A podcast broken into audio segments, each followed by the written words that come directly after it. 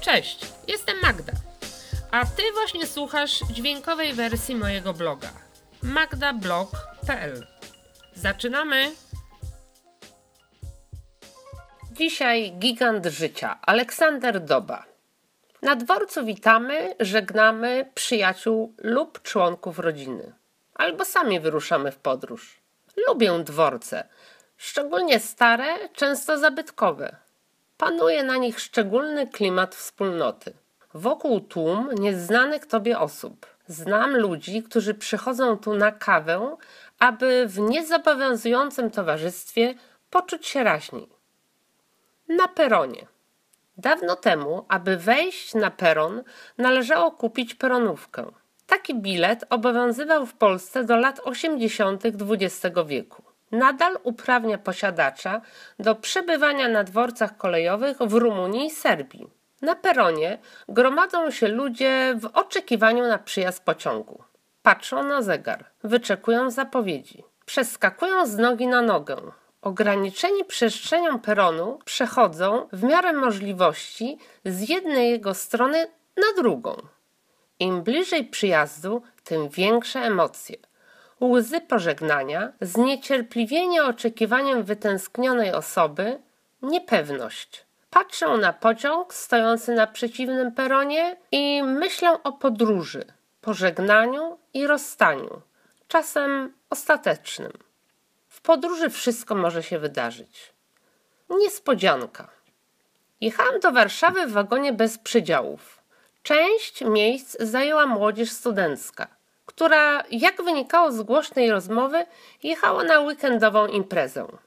Obejrzałam się wokół siebie i o nie miałam. Blisko mnie zobaczyłam Aleksandra Dobę. Wraz z młodą dziewczyną i jej dzieckiem zajmowali dwa miejsca. Później okazało się, że podróżnik nie miał rezerwacji. Byłam zaskoczona. Słyszałam ich rozmowę i upewniłam się, że to dzieje się naprawdę. Przełamałam zawstydzenie i podeszłam. Pan Aleksander był swobodny i bardzo otwarty. Jechał do Krakowa, aby uczestniczyć 22 kwietnia 2017 roku w otwarciu Alei Podróżników, Odkrywców i Zdobywców, która upamiętnia osiągnięcia polskich podróżników.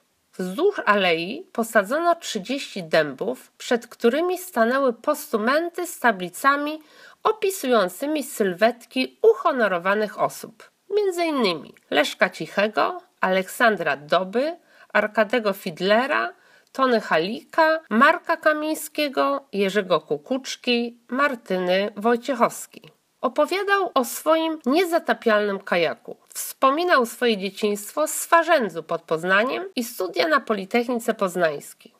Z entuzjazmem opisywał swoją rozpoczynającą się w maju wyprawę, która jest kontynuacją przerwanej w ubiegłym roku z powodu niesprzyjającej pogody i uszkodzenia kajaku.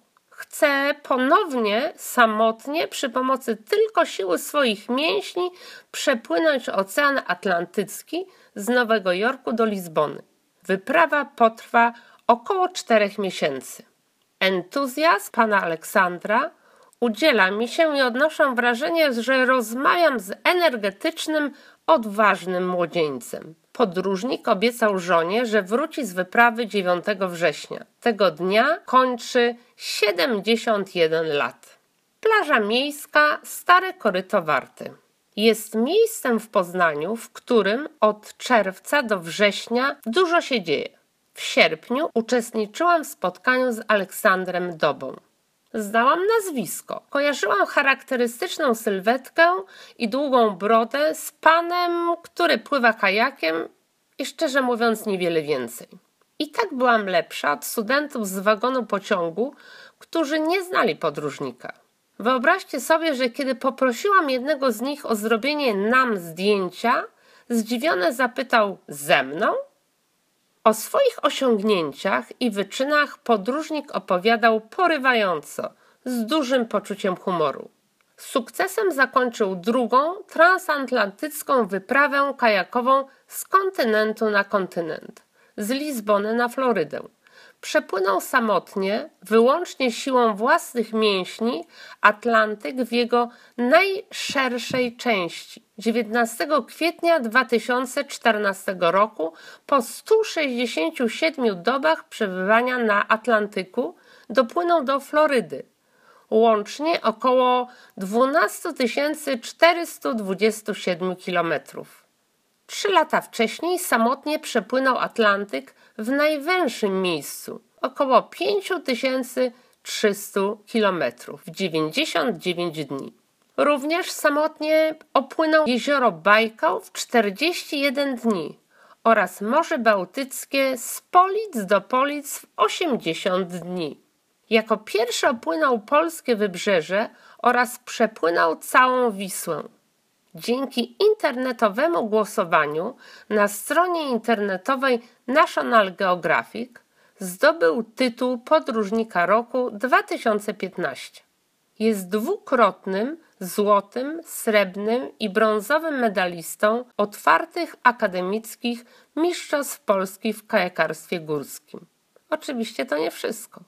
Po powrocie do domu na mapie oglądałam trasy wypraw podróżnika.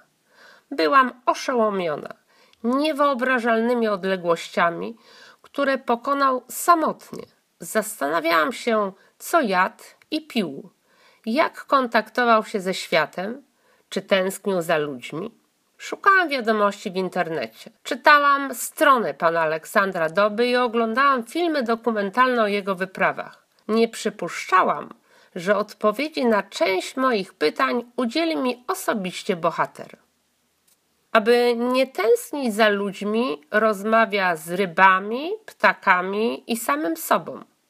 Kajak jest niewywrotny. Dzięki specjalnym pałąkom, nawet przy największych falach, musi wstać do pionu.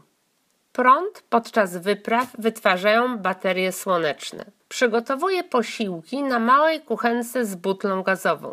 Do odsalarki pompuje ręcznie wodę morską. Przez godzinę uzyskuję około 3 litrów wody odsolonej, czyli pitnej. Podczas wypraw je żywność liofilizowaną, czyli całkowicie pozbawioną wody. Pan Aleksander mówi: Nie bójcie się marzeń. Jestem przykładem na to, że wiek nie jest ograniczeniem. Utrudnienia i przeszkody są w Twojej głowie. Zawsze warto wiele robić i doświadczać nowego, rozwijać się i odkrywać. Lepiej żyć jeden dzień jako tygrys niż 100 dni jako owca. To życiowe motto Aleksandra Doby. Na forum znalazłam wpis internauty, który polubiłam. Ściska w gardle ze wzruszenia i dumy, że mamy takiego rodaka. Na dzisiaj tyle. Jeśli chcesz być na bieżąco, zapraszam na mój Facebook, Instagram i blog. Do zobaczenia!